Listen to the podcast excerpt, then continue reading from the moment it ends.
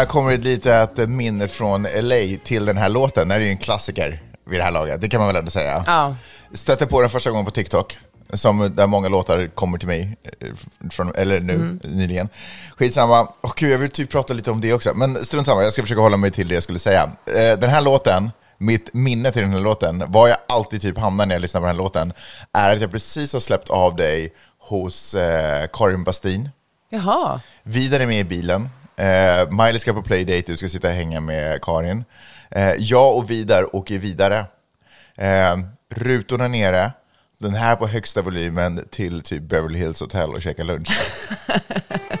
Så gangster är den här låten ska jag säga dig.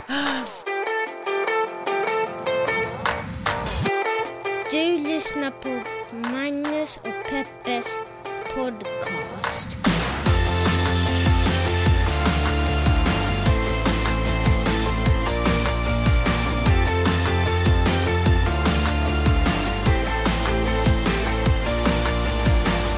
Jajamensan, det är så vi gör on the west side! Hjärtligt välkomna till podcasten som heter Magnus och Peppes podcast. En liten podcast där vi pratar om stora och små händelser i världen och så gör vi det ur ett feministiskt, journalistiskt och mediegranskande perspektiv.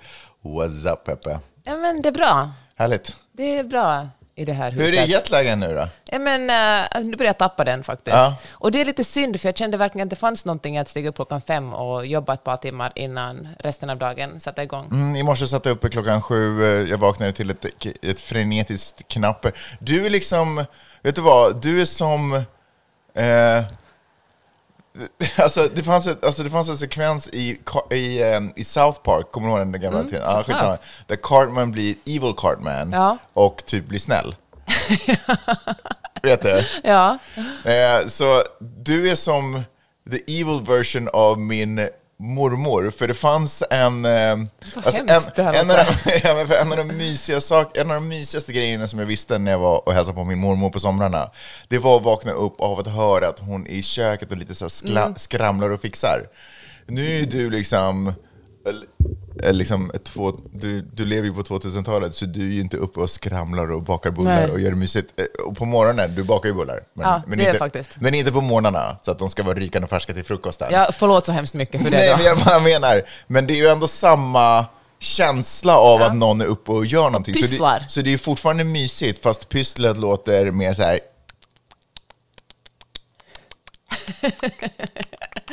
Där sitter jag och skriver mina romaner. Där sitter du och skriver ner romaner. Tack och lov att vi inte ändå är på den, kvar i den tiden där det liksom var den här analoga skrivmaskinen. Bara Ja. klang, klang, klang, klang, klang, kling, kling, klang, klang, klang, klang, klang. Så det var jag gift med Jan Guillou. ja, exakt. Ja, nej men precis, så du var uppe klockan sju i morse och då sa du också, ja, jag har tagit lite, so jag, jag sov ut lite i morse. Man bara, okej, du är så fucked up. Men det är inte så mycket att göra. Eh, ja, Ja, men så har mina morgnar börjat faktiskt den senaste Nej, veckan. men skri, är det på boken du sitter och skriver? Ja, men nu, jag blev så inspirerad av Göteborgs bokmässa, så jag kom hem med jättemycket skriv och läsenergi. Så jag Du tänker, vill liksom bli bjuden nästa år igen? ja, så du måste få ut någonting? Snabbt. Nej, men jag tänker att jag ska skriva den där, eh, jag skriver den tredje delen i min hästbokserie. Mm. Och eh, jag tänkte att det ska vara klar inom november, ett råmanus. Och det kommer jag att fixa, för jag har ju skrivit en del på den. Jag tycker att det är väldigt gulligt att du ibland är sådär, du kommer sätta dig bredvid mig och säger okej, du, jag, vill bolla lite sådär, vad, hur, vad ska liksom vara anledningen till att ditten och ditten händer? Eller sådär. Jag undrar faktiskt, nu när du ändå pratade om Jan Guillou, jag undrar om typ såhär, Stephen King satte sig bredvid, jag vet inte om han är gift, men Ja, han, jag. ja, satte sig bredvid sin fru eh, Mrs King och var sådär, okej, så de har begravt liksom den här katten nu, men nu vet jag inte riktigt varför ska, varför ska den komma tillbaka? Eller, okej, så hunden, vi har en galen hund här, men det är bara liksom, varför blev den galen? Vad, vad ska vi göra här? okej, så vi har en tv-apparat här. Eh, det- så, det, det måste hända någonting med den här tvn, typ, att jag vet inte att det är någon att de pratar med den eller någonting. Jag vet inte, jag hittar bara liksom inte riktigt. Och hon bara, ja men tänk om det kan vara en poltergeist. Fucking poltergeist, berätta vad är det för någonting? Det låter sjukt spännande. Men så gör jag ju med dig. Ja, det är ju sjukt roligt. Men jag undrar om det är en vanlig process eller om, eh, om författare generellt vill sådär, nej jag ska komma på allting själv, och det finns en ära i det också. Nej, men jag tror faktiskt inte det. Och eh, alla som är, jobbar med någonting kreativt Mm. ju. Alltså, folk stjäl ju av varandra. Jag Ja, tänk- ja, ja, ja. ja. Men det är ju en annan, jo, fast det är ju en annan del av processen, tänker Ja. jag. Eller? När man stjäl. Ja. Ja. En sak att stjäla, en sak att bolla idéer. Ja, men okej, jag fattar Nej, men du för menar. du sitter ja. ju inte, du har inte liksom kommit till slutet på, du har nästan avslutat meningen, så bara, fuck, nu vet jag inte vad jag ska göra, vet du vad, jag måste ta någonting härifrån. Så gör det inte, utan stjälandet är väl en inbyggd, för man är ju Ja. inspirerad. Så det, Ja, men såklart. Man har väl ögonen öppna, liksom. Men, äh, ja, men jag tror de gör det. Jag tror att äh, både Guillou frågar... men han, han är gift med en förläggare i och för sig. Så, Jaha, så han frågar mig vad ska jag ha i boken för att få Ja. ut den? Ja, jag förstår. men äh, då vill jag säga att jag pitchar ju också en fortsättning på min roman en gång om året. Eller en fri... Eller nästa bok till Norstedts. Just det. Och de gick jättemycket igång på den. Oj, Så det verkar bli en fortsättning. spännande. Ja. Det, den kändes ju nästan som att den var lite upplagd för det. Ja, men det blir inte så där del två, utan det blir mer att det här händer tre år in i framtiden ur en annan huvudpersons perspektiv och sen får man veta lite vad som händer med andra Vadå, så det är en annan bok? Det är en På vilket sätt är det en fortsättning då? Nej, men man får veta, man får liksom i, i så här Ja, periferin ja, skymtar det är samma liksom. värld och därför Exakt är det en, ja. eh, en, en, en fortsättning. Ja, men den liksom. har liksom ett annat tema. Om tema i den här boken var Ah. otrohet så är det ett annat tema i tvåan.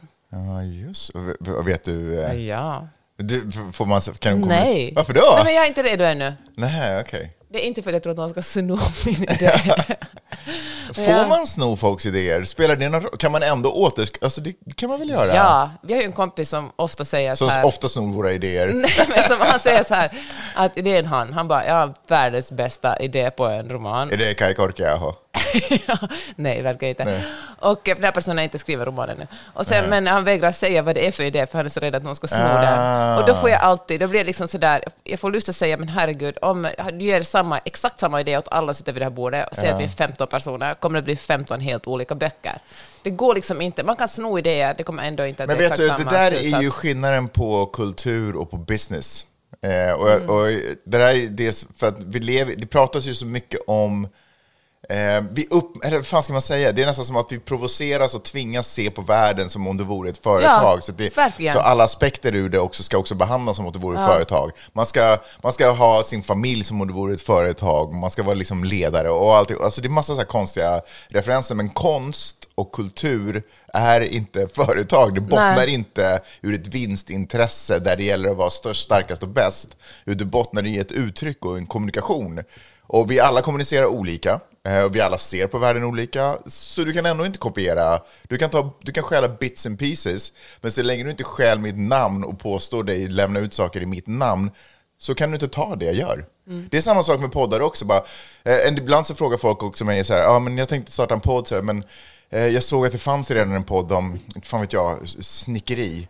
Man bara, men fast det, det finns ju ingen podd som den podden du tänker göra. Om, liksom, gör det som, alltså, kommunicera det du vill kommunicera, så jag är 100% säker på att den kommer vara en unik podd. Såklart, men precis så är det med böcker också. Ja. Så, Så sprid- skäl på, Ja, och sprid era idéer. verkligen. Jag vill tala om Kanye West. Oj. Eller yeah. Vad synd, förra veckan så körde vi den här sköna remixen med Kanye, så den hade ju varit bättre den här veckan då. Men Ja, eh, faktiskt. där, där han också säger I miss the old Kanye, the bla bla bla, I hate the new Kanye, spaz in the news Kanye, the du vad? always rude Kanye. Den snurrar faktiskt i mitt huvud. Det har gjort den hela morgonen. Mm. Det bara... Men den behöver vi inte spela nu. Så han är ju uppenbarligen insiktsfull om vad som händer runt honom. Vet du vad, han är ett geni. Inte bara ett musikaliskt geni, Oj. Mm. han gör ju otroligt bra musik. Ku- Geni är kanske överanvänt, men han är jävligt bra på att göra musik. Ja, och han. är otroligt bra på PR. För varje gång han släpper någonting, är det någon slags samarbete med Gap, är det är, är liksom någon sneakers, är det musik, då säger han någonting som är provocerande, Mm. så alla pratar om det, alla skriver om honom. Och det råkar sig, och, då, och sen är folk sådär, nej men, men Kanye sa bara det där för att han är bipolär. Mm. Alltså, man stackars honom, han är bara... Men eh, det råkar sig bara alltid att hans bipolaritet bara ploppar fram precis när han har någonting att sälja. Jaha, du, du tar det cyniska kortet igen. Ja, det är mitt, eh, det är mitt kort. Det är ditt favoritkort. Ja, man, någon ska göra så här tarotläsning Men tänk om han är alltid bara- bipolär, tänk om vi Jag borde... tror att han är det. Men, jo, men jag menar, jag tänker om det är orsaken, inte hans eh, försäljning, alltså att han, hans liksom... Men det är ju, det är ju ändå ett, ett ganska bra sammanträffande att hans bipolaritet alltid ploppar fram. borde man förbjuda bipolära människor att uttala sig i media? Nej, det tycker jag inte. Men, men alltså för, och- de, för kan, de kan ju alltid säga så här, åh nej jag menade inte det. Man bara, men då är det ju ingen poäng att du men- uttalar det om du nästa också- dag alltid tar tillbaka. Men alltså, för, för, alltså, man behöver ju inte längre uttala sig i media, utan nu för tiden är det ju kända människor som styr vad media ska skriva om till ganska Mm. stor del. Och det är ju Kanye så otroligt bra. Nu var det ju Paris modevecka, Mm. och då hade han en överraskningsvisning, varav några av modellerna hade här stora t-shirts där det stod White Lives Matter. Och eh, det här var ju otroligt provocerande. Mm. Var det vita modeller var det... Uh, både och faktiskt. Ja. Lauren Hills dotter tror jag bland annat. Okej. hade, som, jag vet inte om hon är modell eller... Och uh, Naomi, Ca- Naomi Campbell var också på den här visningen, hade i och för sig inte den uh, t-shirten på sig. Men, uh, men det här blev ju en jättestor kontrovers och då var Vogues globala moderedaktör kritisera Kanye och då gick han och kritiserade henne. Han tyckte liksom att nej men hon klädde sig fult och hon är också svart och liksom, hon hon hade fula stövlar och det ena och det andra. Och uh, det här ledde till slut till att... Men uh, alltså hon kritiserar hans eh, politiska liksom, uttalande och han Exakt. kritiserar hennes stövlar. hennes utseende, ja. Själv comeback. Ja, verkligen. I miss the old Kanye. Och, eh, men i alla fall, det här ledde till slut till att han fick en massa kritik och eh, l- till slut med att han sitter och talar med Tucker Carlson som ju är en så här höger, man kan säga att han är högerextrem talkshow-värd på Fox News, en av de största, eller nej, han är väl den största, han och, och eh, han och, eh, fan heter den andra? Uh, Hannity. Hannity, Sean Hannity, det är väl de allra största och populäraste, och Laura Ingraham. Och sitter Kanye där och berättar om varför han tycker att det är viktigt att säga, att säga White Lives Matter. Ja. Och publiken på, på den, i den här talkshowen är ju enbart vita konservativa personer, människor som röstar på Republikanerna och som verkligen känner det här att, att vita människor i USA är, under, är förtryckta. Och uh, Sean Hannity, har, alltså Tucker Carlson har ju också pratat mycket om det här eh, att eh, att svarta att vita håller på att utrotas i USA och liksom svarta och uh, latinos, hispanics håller på att ta över hela landet. Och eh, att det är något vi ska vara väldigt rädda för. Och då passar det ju perfekt in att det kommer en svart person. det, är så, det är så konstigt. Ja, För, för typ 200 år sedan så var det så här latinos och, och svarta som var lite rädda. Nej, inte, okej, inte svarta. Men för ett par hundra år sedan så var det latinos och ursprungsbefolkningen som var lite rädda för att vita håller på att ta över landet. Sen skedde ett massmord, eller ett folkmord. Ja, men, eh, och men därför är ju liksom Kanye den perfekta gästen. Han är inte nog med att han är att han har jättemycket, han har liksom Ja, når jättemånga människor. Han är också svart. och han är bipolär, så han är den perfekta gästen Ja, men då satt de och pratade, det var en lång intervju så, och, som, där Kanye kunde prata om det här.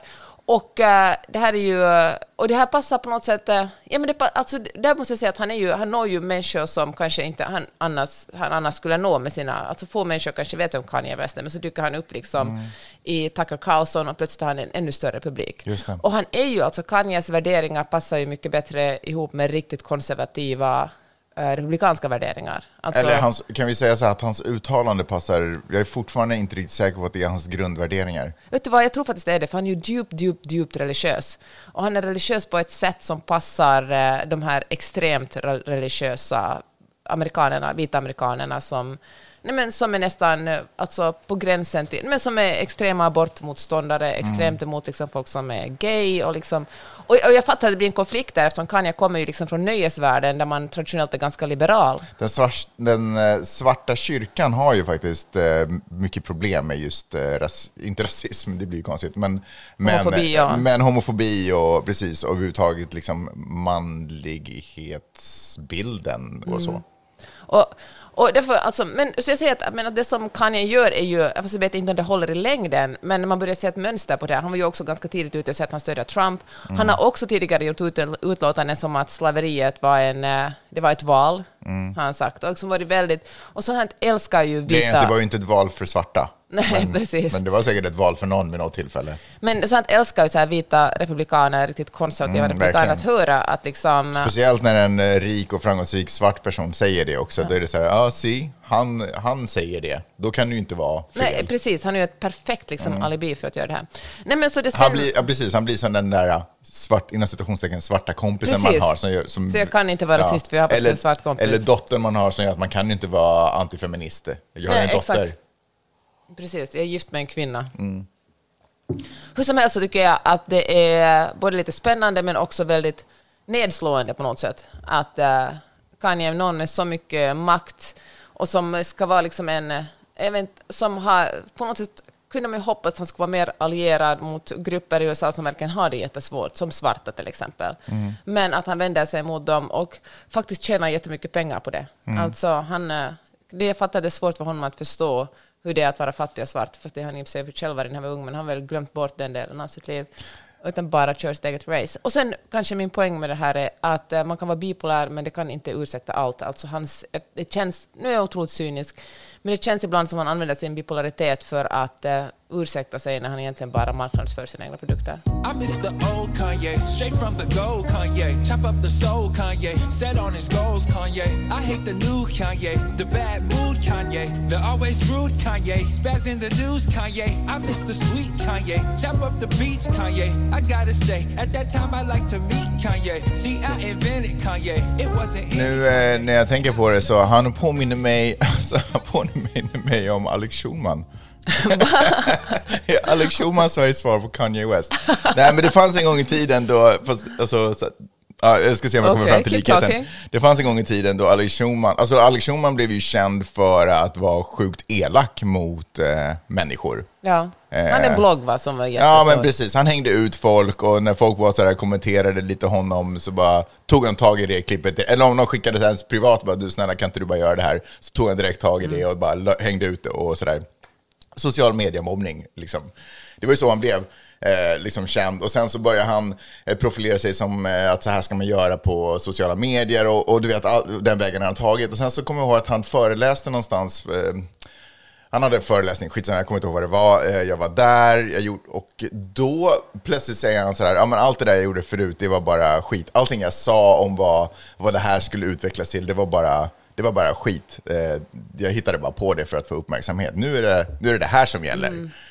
Så man bara, okej, fast nu vet jag inte om du om fem år kommer säga att nej, nej, nej, men det jag sa sen också, det var också skit, för nu är det det här som gäller. Du vet, när man hela tiden bara kan ta sig friheten och, och skifta fokus och byta, byta tyngdpunkt på benen, liksom.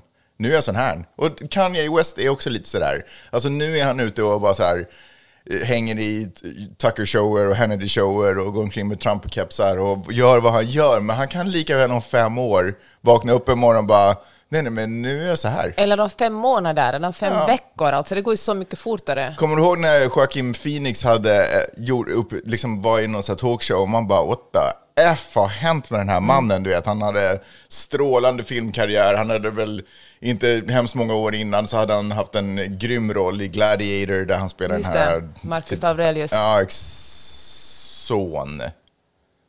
Ja, jag vet inte, det är bara kom- skitsamma. Ja. Ehm, och sen så helt plötsligt bara dyker han upp och är helt sjukt spacad och säger bara jättekonstiga saker, gör osköna intervjuer. Man bara, ja men så visar det sig, men det var ett konstprojekt, typ som han höll på med. Man bara, okej men... Alltså, vem ska jag, jag orkar inte liksom, jag orkar inte att det enda jag kan lita på, för, för där säger man ju, man ska inte tro på allting man ser på Instagram eller sociala medier eller tv och alltihopa. Fast kom igen, det måste ändå finnas, alltså det kan ju inte vara, så- alltså jag måste ju också kunna få, alltså det måste finnas utrymme för mig att lita på det jag tittar på på tv också. Det kan inte vara bara så att liksom, ja men det är bara fake. Alltså det kan inte bara vara böcker som ger mig, de skrivs inte- Usch alltså! Nej, men de Böcker. skrivs inte tillräckligt snabbt. De, de, det tar tid innan de kommer ut. Liksom. Jag Men vill, alltså, har du testat journalistik då? jo, jag vet, men man vill ju ändå ha någon form av underhållningsvärde i det. Men, nej men så här, vet du vad, det här anknyter till något annat jag har tänkt på, och det är, det är politiker i USA. Och jag antar att det gäller delvis politiker också i Norden, men det är alltid lite extremare här.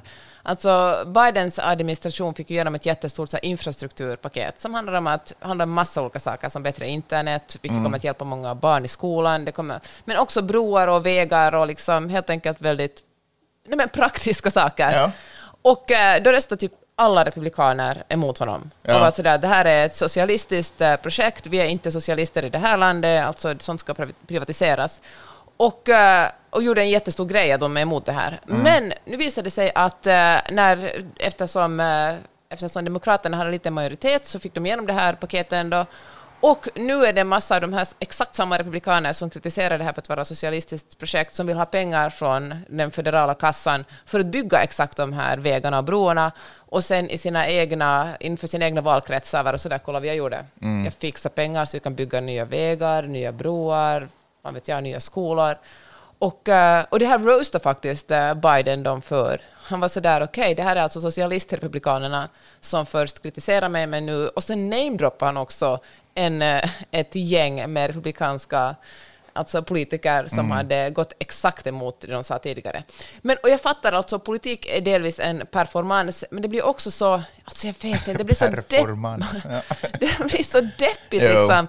Kan inte folk bara liksom, jag fattar de här olika tankesätt om hur ett land bäst, bäst ska styras, Mm. men det allt handlar om en fight, att liksom vinna mest poäng just exakt för stunden. Blir det så, ja men det är så ohållbart, är det så Praktiskt på något sätt? Ja, men det är ju alltså... Um, Det är ju delvis vårt fel att vi har tillåtit oss själva att omskol, eller omprogrammera oss själva så att vi hellre tar underhållning än vi tar the hardcore facts. Liksom. Och ser sanningen i vitöga. Att vi hellre... Vi hellre tröstäter än vi tar tjuren vid hornen och låter det göra ont. Att vi är rädda för smärta och jobb. Alltså det är på något sätt, vi tar hellre den lätta vägen. Och då, det ger ju utrymme eh, för polit, eller, eh, folk med ambitioner om makt att ge sig in i det politiska spelet och istället för bjuda på hardcore facts och sanningen, den bistra sanningen och en plan för hur vi ska lösa det, istället ägna sig åt underhållning eh, för att komma åt makten. Och då spelar man inte på samma... Det är som det här som vi pratar om, business eller kultur. Det är liksom, man kan, om man kombinerar dem, då kan man verkligen börja fucka med människor. Eh, för att det ena handlar om ett förtroende och det andra handlar om ett utnyttjande, eller kan, precis. kan, kan Just användas som ett utnyttjande. Men framför allt så är det kanske lite mer sådär egocentrerat, för det handlar om att den personen som sprider det ska tjäna på det, medan det andra handlar om att du ska få ut Mm. någonting av det.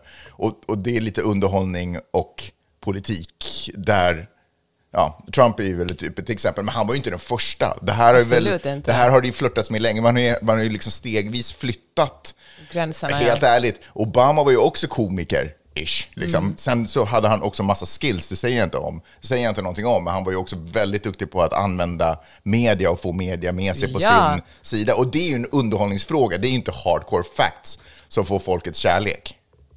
Nej, Nej men det är Tänker sant. Ja, man älskar ju en komiker. Ja, verkligen. Man älskar att skratta, det känns bra att skratta. Det känns mycket bättre än någon som kommer med den krassa sanningen. Ja, men det är också så här, för att om jag kommer in och är skön och, är, och drar lite roliga jokes, det signalerar ju också att allt är okej. Vi, har- vi kan ta det lugnt, liksom. Jag är här, this, låt oss skämta lite. Sådär, det, det är ju också en illusion om att... Skulle det här vara ett råd du skulle ge åt Putin till exempel? Ja, bro, ta det lugnt. I got this. Var lite mer humoristisk, lite soft. Han är ju alldeles för hård. Men han... Men ärligt talat så är ju Zelensky otroligt mycket bättre. Alltså han spelar ju verkligen på att vara skön och lite rolig och, eh, Mm. Och en, liksom, eh, en ledare som man kan relatera till. Som man gärna, eller kanske så här, någon man gärna vill hänga med. Alltså Putin ägnar sig Putin- också åt underhållning. Ja, alltså, såklart, men han hänger han men- berättar ju inte sanningen om vad det är som egentligen Nej, pågår. men han, det, Typ han såhär, har ju... jag är liten och rädd och det här känns jobbigt just nu. Det, det sitter inte han i liksom ryska... Visst är Putin en short king? Nej, men så här, Putin, det är så sant, men han är ju mer så här old school, han regerar ju med rädsla. Ja. Han var så här, du kommer att dö om du inte gör som jag säger. Ja. Medan Zelenskyj är ju sådär, jag är liksom din kompis, vi kommer att dricka, han är ju, alltså han är ju komiker. Han är Mm. bara, vi alltså tekniskt sett kunde vi gå ut och dricka öl på fredag för att och ha det lite kul tillsammans. Och det är ju den tonen han för också i sociala medier. Mm. Och jag tänker faktiskt ofta på det när jag läser nyheterna, för nu, läs, nu finns det ju väldigt mycket om hur dåligt det går för Ryssland, och det går for sure dåligt för De blev Ryssland just precis nu. av med en jätteviktig bro, såg jag nu på Just morgonen. det, till, mellan Ryssland och Krimhalvön. Men man, man ser ganska sällan direkta siffror på hur dåligt det går för Ukraina, för det är såklart att folk dör där också, både sola- Men soldater skojar du? Man får ju hela tiden, så de hittar Ja. massgravar och Ja, men det är väl ett tecken på det att det går dåligt. vidrigt. Nej, man För- hittar massgravar, men det står inte hur många soldater, alltså det är inte jättestora rubriker på hur många soldater som dör, eller hur många städer som Ryssland fortfarande är ockuperade i. Man liksom, man, det väcks sympatier för att just de vidriga Mm. Undrar hur massgravarna... många soldater det faktiskt dör på Nej, men ukrainska sidan. Precis, det, alltså det står säkert... I combat, Det står absolut i artiklar, men det är inte de stora rubrikerna. Nej. Och jag tänker att Zelenskyj spelar liksom mediaspelet otroligt bra där. För att man hejar, man är ju, det är liksom... Mm. Fast det där är ju livsfarligt, för det där kan ju skapa Hillary Trump-effekten, att man bara så här, oh shit, Ja. så här, det enda man läser i Ukraina bara tar område på område, ryskarna, Exakt. och sen bara, Vad händer nu? Varför blev, varför blev Ukraina av med halva sitt land? Ja, Då får man ingen förklaring till det, för man har inte liksom uppdaterats på vägen. Nej. Nej, men jag, håller helt med. Men tror jag det- tror att om, om Ukraina var på knäna, eller jag menar, förstå, missförstå mig rätt, det är de ju obviously, men jag tror att det skulle rapporteras. Jag tror att det Ja. ska berättas om det. Ja. Också, men det är lite softare att läsa om hur dåligt det går för ryssarna. Ja, skadeglädje är ju den eh, enda sanna glädjen, Ja. det vet vi ju alla. Men det, det är också, men så handlar det verkligen också om att liksom underdog, man hejar ju alltid på the underdog. Alltså, det är svårt att heja på Ryssland. Ja. Det är svårt. Alltså Men till och det med kan- alltså, det Kina och lite- Indien och liksom Kazakstan. Är vi lite för finländska för det här, för det här samtalsämnet? Okej, men räkna upp några länder då som du känner att verkligen hejar helhjärtat på Ryssland. eh, alltså, Kina. Borderland. Nej. Alltså Xi Jinping var ju till och med sådär sur på honom. Han var så att vi måste få ett slut på det här. Alltså, Är det sant? Ja, han var sådär att det här är, eller var det Modi i Indien som sa att det här, alltså det är ingen bra sak att kriga. Men det är de två allierade han har haft. Ja, ja, ja, Xi. Jinping hade ju haft Putin och väntat jättelänge på ett sånt eh, möte de hade haft, vilket aldrig, alltså det är ju verkligen ett tecken på... Det är hade ju till och med Erdogan. Kommer du ihåg, när Ja, han var där. men precis. Men det är ju de som tidigare har varit någon slags, kanske inte allierade, men i alla fall haft någon slags överenskommelse. Ja. Nu börjar alla känna att det här börjar bli lite för dyrt och liksom obekvämt för oss. Kan du snälla dra dig ur? Alltså i, till och med Kazakstan har varit sådär, nu bromsa lite. Belarus som ju ändå har varit, alltså de har ju, Lukasjenko har ju kniven mot strupen, Mm. för att, eller Putins lilla fickkniv runt strupen. Men till och med de börjar vara så här, eh, ehm, alltså jag vet inte riktigt. Alltså han hade ju en kniv men så gick den sönder och han har inga reservdelar för att fixa det. Så att det, Men Putin fick tydligen en traktor plastkniv, det är så här i... engångsknivar. som man har på picknickar. Liksom. Nej, men eh, Putin fick en traktor i 70, han ju 70 nu i veckan. Aha. Ja, fick en traktor i födelsedagspresent av Lukasjenko. Ja, är det sant? Ja. Funkar den? Jag vet. Ja. Hör du, eh, bara en liten, en, liten, eh, en liten sidogrej som jag tänkte fråga dig om du vet någonting om.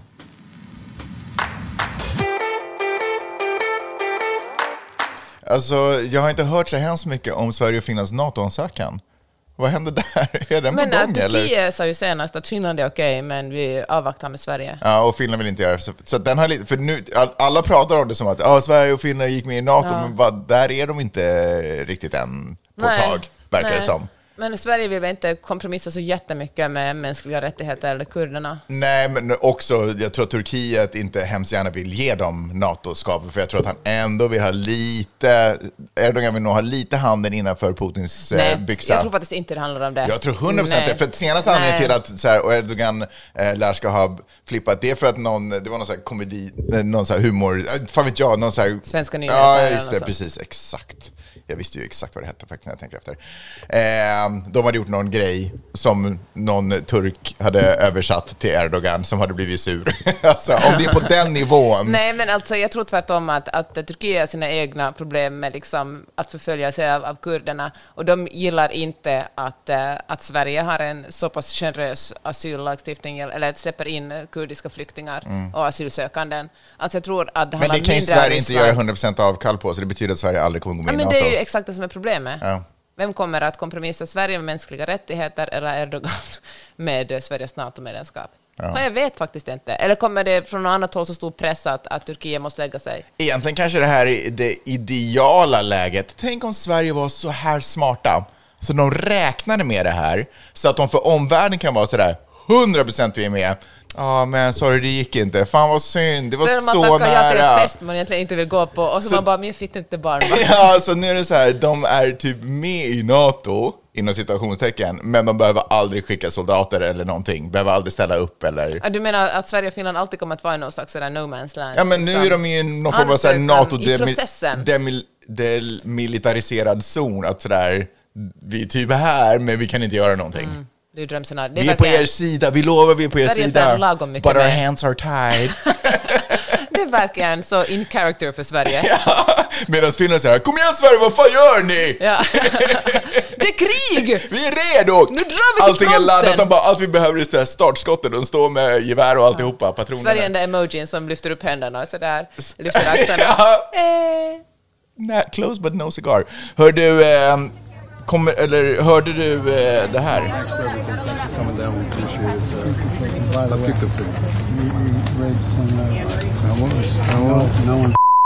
Yeah, goddamn right. and, and can't argue with your brothers outside the house. That's exactly right. That's exactly Ja, det där var ju sjukt, sjukt otydligt. Jag vet inte om ni uppfattade det där. Och dessutom så var det ju obviously väldigt amerikanskt, så att de hade censurerat fuck. Men jag säger det här. Eh, Biden eh, står och pratar med the mayor of En liten stad i Florida. skitsamma, går fram och sen så Obviously, eftersom Biden är 80 år och mikrofonen fanns inte i hans ungdom så han kommer inte ihåg att mikrofonen fortfarande är på som han har på sig. Så han säger så här, nobody fucks with Biden. Och ska jag helt ärlig, jag vet inte, with a Biden förresten. No one fucks with a Biden. Ja, eh, och jag, nu, jag tror att det handlar om att hans son är up for grabs i det, Hunter. ja, ehm, att han kommer bli stämd för någonting, skitsamma. Men Bland att, annat skattefusk. Ja, bland sådana små, små saker. Skattefusk är ju typ bland det värsta man kan göra i vilket land som helst om jag ska vara ärlig. Men, men bara det faktum att han säger det, nobody fucks with a Biden. Eh, jag gillar det. Jag, vet, jag skrev hela gillar mitt det. nyhet... Nu är du ursäkta, för det åkte ut bara för någon minut sedan, nyhetsbrevet. Ja. Men jag skrev faktiskt hela mitt nyhetsbrev om det. Hur vi, liksom, som jag kan rekommendera, peppe.substack.com, men hur vi alla borde anamma den lite oftare. Mm. Att vara sådär när, någon, när man är sådär... "Åh, vet du, man, någon har sagt något dumt åt en, eller man känner sig kritiserad eller oälskad. Då ska man bara gå fram till spegeln och vara så här. No one fucks with an Öman. Alltså för att du, Öman kan man byta ut till sitt eget efternamn. Ja, eller precis. Eller, ja. Ja, det är ju, eh, det så låter ju eh, storkukslugnet, eller the big vagina, i, vad den heter, vad kallar det för? Big Ah. vagina, Lugnet. big vagina-lugnet? Säger man så? Nej, energin. Ja, big vagina-energin, ja just det. Så låter det när det kommer ut verbalt. Eh, nobody Ja. fucks with that. Visst gör det det? Ja. Och det, jag tycker det är väldigt sådär, det kan man, men du vet man vaknar upp och har den där nattångesten man har ibland Mm. på natten. Man bara, herregud, tiden går fort, eh, vi är fattiga, vi har ingenstans att bo, Ja. alla är misslyckade. Och så man bara, vänta lite, jag måste ta kontroll över det här, för no one fucks with an Öman. Men jag tycker att den kan man ibland också säga till eh, livet. Ja. För ibland Ja. är det som att, du vet, ehm, cyklerna, liksom, allting liksom kolliderar. Det kommer liksom som en våg av bara dåliga nyheter. Som att livet försöker sådär, eh, på engelska säger man så humble you. Att sådär, det försöker göra det lite mer ödmjukt. Det är som att du har varit lite, lite för lycklig lite för länge och det har stigit dig lite åt huvudet. Du tänker att det här är det normala. Du måste förstå att livet går i cyklar. Ibland är man på topp, ibland är man nere. Ibland är det lågkonjunktur. Ja, eh, precis. Så när livet försöker, så att säga, ta ner dig på knä och humble you, då kan man titta upp mot eh, the molnklädda himlen med de små kalla dropparna som eh, drisslar ner i ansiktet. Och så tar man av sig jackan, slänger den över axeln som om det vore en sommardag. Och så säger man Nobody, nobody fucks with a... Och så ditt Öman. Öman. Och sen går man bara vidare. Ja, men det, alltså, jag tycker det är en jättebra så här, självhjälpsstrategi. Bra. Det kommer vara del av eh, vår bok som kommer ut i höst. Eh, Så tar du hand om dig själv, heter den. Och den är skriven på finlandssvenska. den är skriven på finlandssvenska. Okej, fuck it, vi går vidare.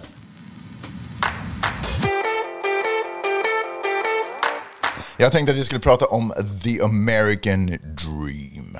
Ba, ba, God... Nej, nu höll jag på att sjunga God Save the King, men det var ju konstigt. Eh, USA! USA! Det var det jag skulle vilja skrika. Okej, så du har ju slaktat ganska länge the American dream. Ja, det är ett Eh, återkommande tema i den här podden. det är ett återkommande tema. Vi har konstaterat att, att, att the American dream inte finns här. Det är fortfarande bara en sån liten procent som lyckas ta sig från eh, the ghetto upp till eh, stratosfärerna i den ekonomiska pyramiden. Eh, så det är, obef- det är obefintlig. Den, det, går, det går i praktiken inte möjligt att göra det. Och att den istället kanske, om man ska vara helt rättvis och titta på världen, kanske den existerar egentligen i Skandinavien och Norden. Vem som helst kan födas var som helst där och eh, bli statsminister. Titta Ja. på vår, vår för detta svetsare. Ja. Det såg han inte komma när han föddes, var han nu föddes, där han föddes. Ja, men det är sant, det är ju inte hundraprocentigt. Alltså, det finns ju såklart sociala problem i Norden också. Men, I, eh, här i USA så är man upprörd över att... Eh, eller så här, här i USA så kan man tydligen förklara en del av misstroenderösterna som då gynnade Trump när det begav sig, eh, med att folk känner sig lurade. Att en medvetenhet om den här blåsningen på the American dream eh, har börjat liksom nå folk, och folk känner sig lurade på sin American dream. Men då tänker man så här, men hallå, va? Hur har ni inte sett det här komma? Och då hade jag ett otroligt intressant samtal med min sons kompis pappa häromdagen. Som eh, faktiskt, eh, det här kanske du redan, det här kanske var självklart för dig, men för mig blev det en aha-upplevelse.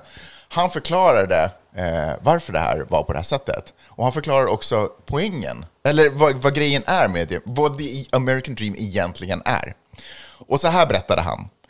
Eh, kanske lite spännande Men bakgrundsmusik. här. herregud, kan du, det är ju så spännande att jag knappt kan hålla mig. Berätta då, vad är det? Jo, men en gång i tiden, lanserat av någon president för länge sedan, så fanns det en tanke om att man kan komma till det här landet eh, och eh, fly från vilken orättvisa som helst.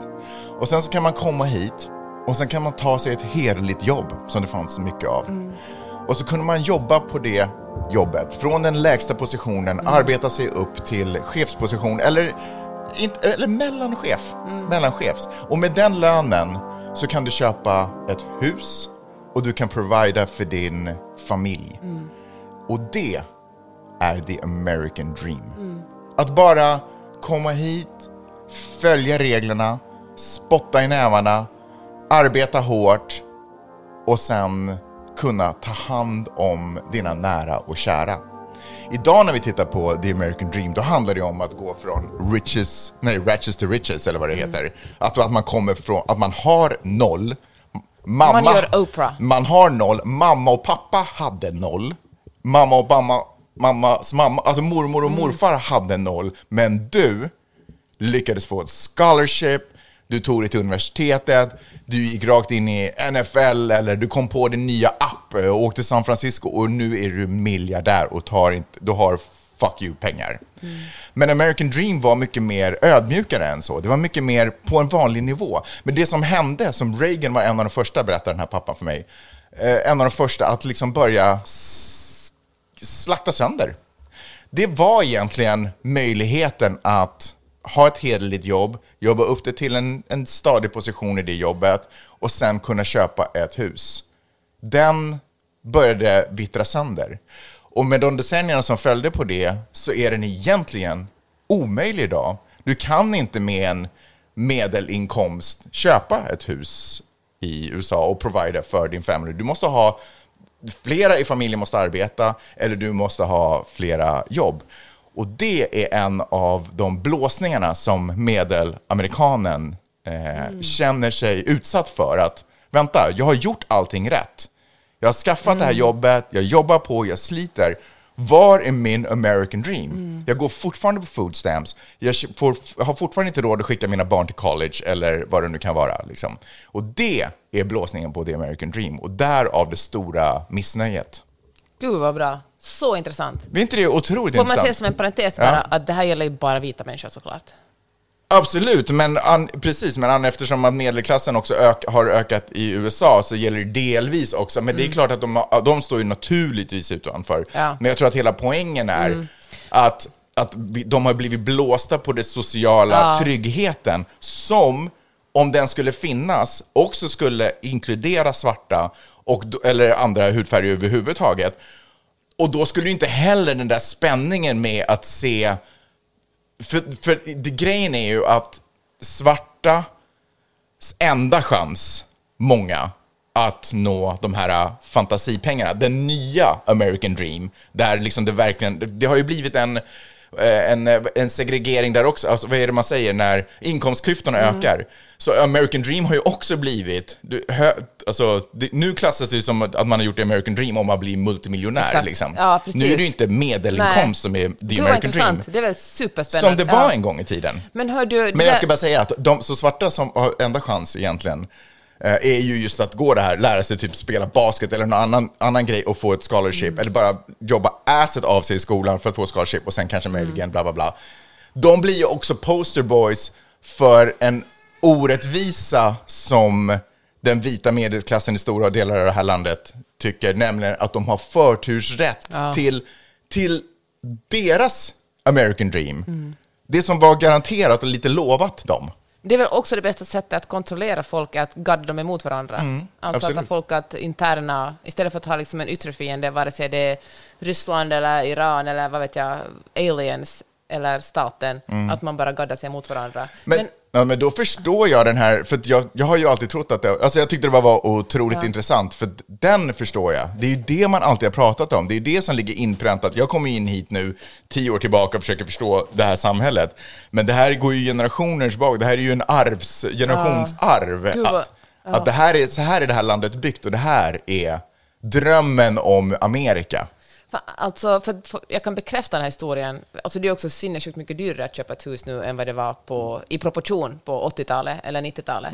Jag pratade om det här med min ridlärare i torsdags och han berättade att han bor i en lägenhet i Studio City som är en del nära North Hollywood. Och eh, han var ganska nöjd med sin hyra och han sa att eh, han bor granne med en skådespelare i Days of Our Lives som är en En jättestor serie här. Ja, som har gått i liksom 40 år, Mm. alltså som har gått för evigt.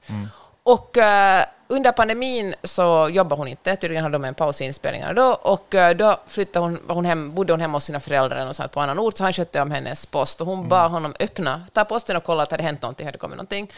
Och då konstaterar han att hon tjänar ungefär 250 000 dollar i året, Mm. men hon har inte råd att köpa ett hus. Alltså, hon bor i en lägenhet i ett, alltså, ett medelklassområde, ett verkligen inte ett fancyt område, utan det är verkligen inte Beverly Hills eller Bel Air, utan det är ett väldigt medelklassområde. Nu med lite sämre krona, men det är fortfarande typ två miljoner kronor om Ja. året. Men det finns det ingen chans att skulle köpa ett hus med Det låter här- weird i och för sig. Nej, inte om du köper ett hus i LA. Du kan Nej, köpa ett nej, hus nej, i Ja, liksom... fair enough. Alltså Ja. du kan säkert köpa ett hus i Tennessee Ja, eller precis. Nebraska eller var som Eller helst. lite utanför LA. Ja, eller ha liksom en timme eller en och en halv timmes eh, pendling. Mm. Men, men jag tycker det säger ganska mycket om eh, hur mycket pengar man måste ha för att kunna uppnå drömmen om att köpa ett hus. Ja, alltså vi har ju en lägenhet som inte är mycket värd vad det gäller kvalitet. Alltså väggarna är papier-maché känns det som. Ingenting lagas, det plåstras i det här Mm. huset. Och vi betalar typ 40 000 kronor i månaden. Det är ju enormt ohyggliga priser här. Vi bor ju å andra sidan granne med stranden också. Vi Ja. betalar ju bara för läge, liksom. Han bor ändå granne med en skådis. Fair enough. Och eh, Universal Och Studios. Universal Studios, så anything can happen.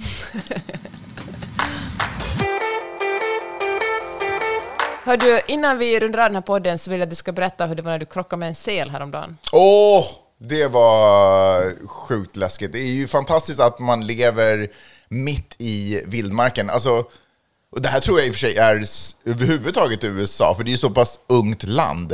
Eh, innan, innan det liksom började byggas på riktigt här så var det ju bara vildmark.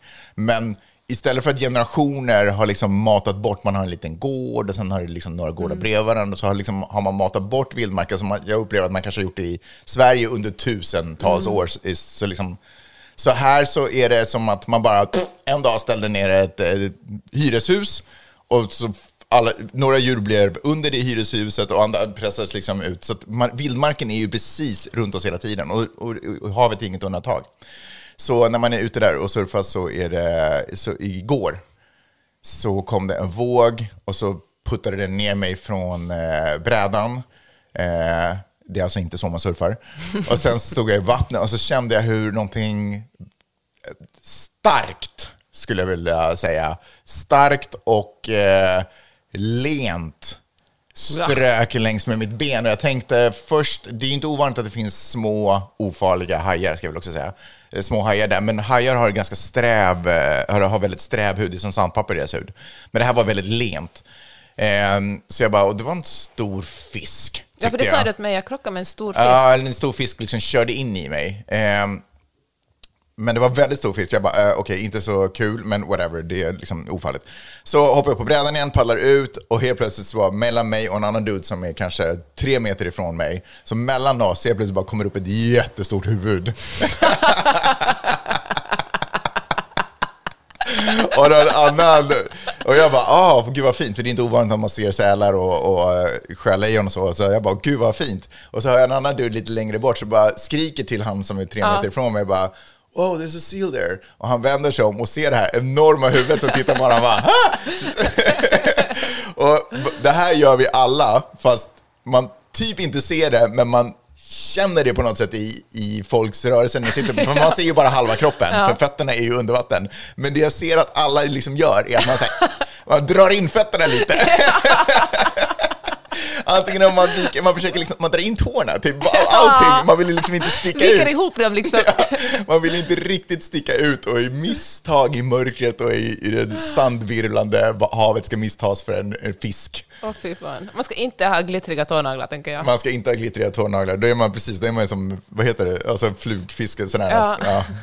Eh, drag eller vad det heter. Men hör du, eh, men det var roligt, så han, han ryckte till i typ en instinktiv skräck, bara, för det stora huvudet, men sen så eh, började vi alla skratta. Sälar är ofarliga och de djur som är där är ju där för att äta all den här lilla fisken som samlas. Så man vill bara inte Ibland får jag en känsla, för det är alltid väldigt stora fiskstim under en. När man, Ja. Jag tror att fisken vet att Ja. sälarna kanske drar sig lite från att komma jättenära surfarna, eller det gör de uppenbarligen inte. Men de känner sig lite tryggare utan, under en surfbräda. Ja, jag tänker att, precis, för att jag tror att sälarna, eller de undviker ju obviously. Ja. Alltså, ja. Eh, Men jag tänker att det enda djuren som kanske inte skulle undvika, som jag alltid tittar lite extra efter, det är ju de hajarna som inte är snälla. Som, som kanske skiter i om det är en tå däremellan. De försöker hålla koll på. Men det har varit klart och fint vatten som man ser tydligt in. När fenan kommer. När fenan kommer, dum, dum, dum, dum, dum, dum. Äh, det var roligt. Eh, Vi gör om det. Vi gör om det nu, Okej. tycker jag. Vi gör om det nu. Tack för att ni har lyssnat. Vi hörs nästa vecka. Ha det så bra! Hej då! Hej!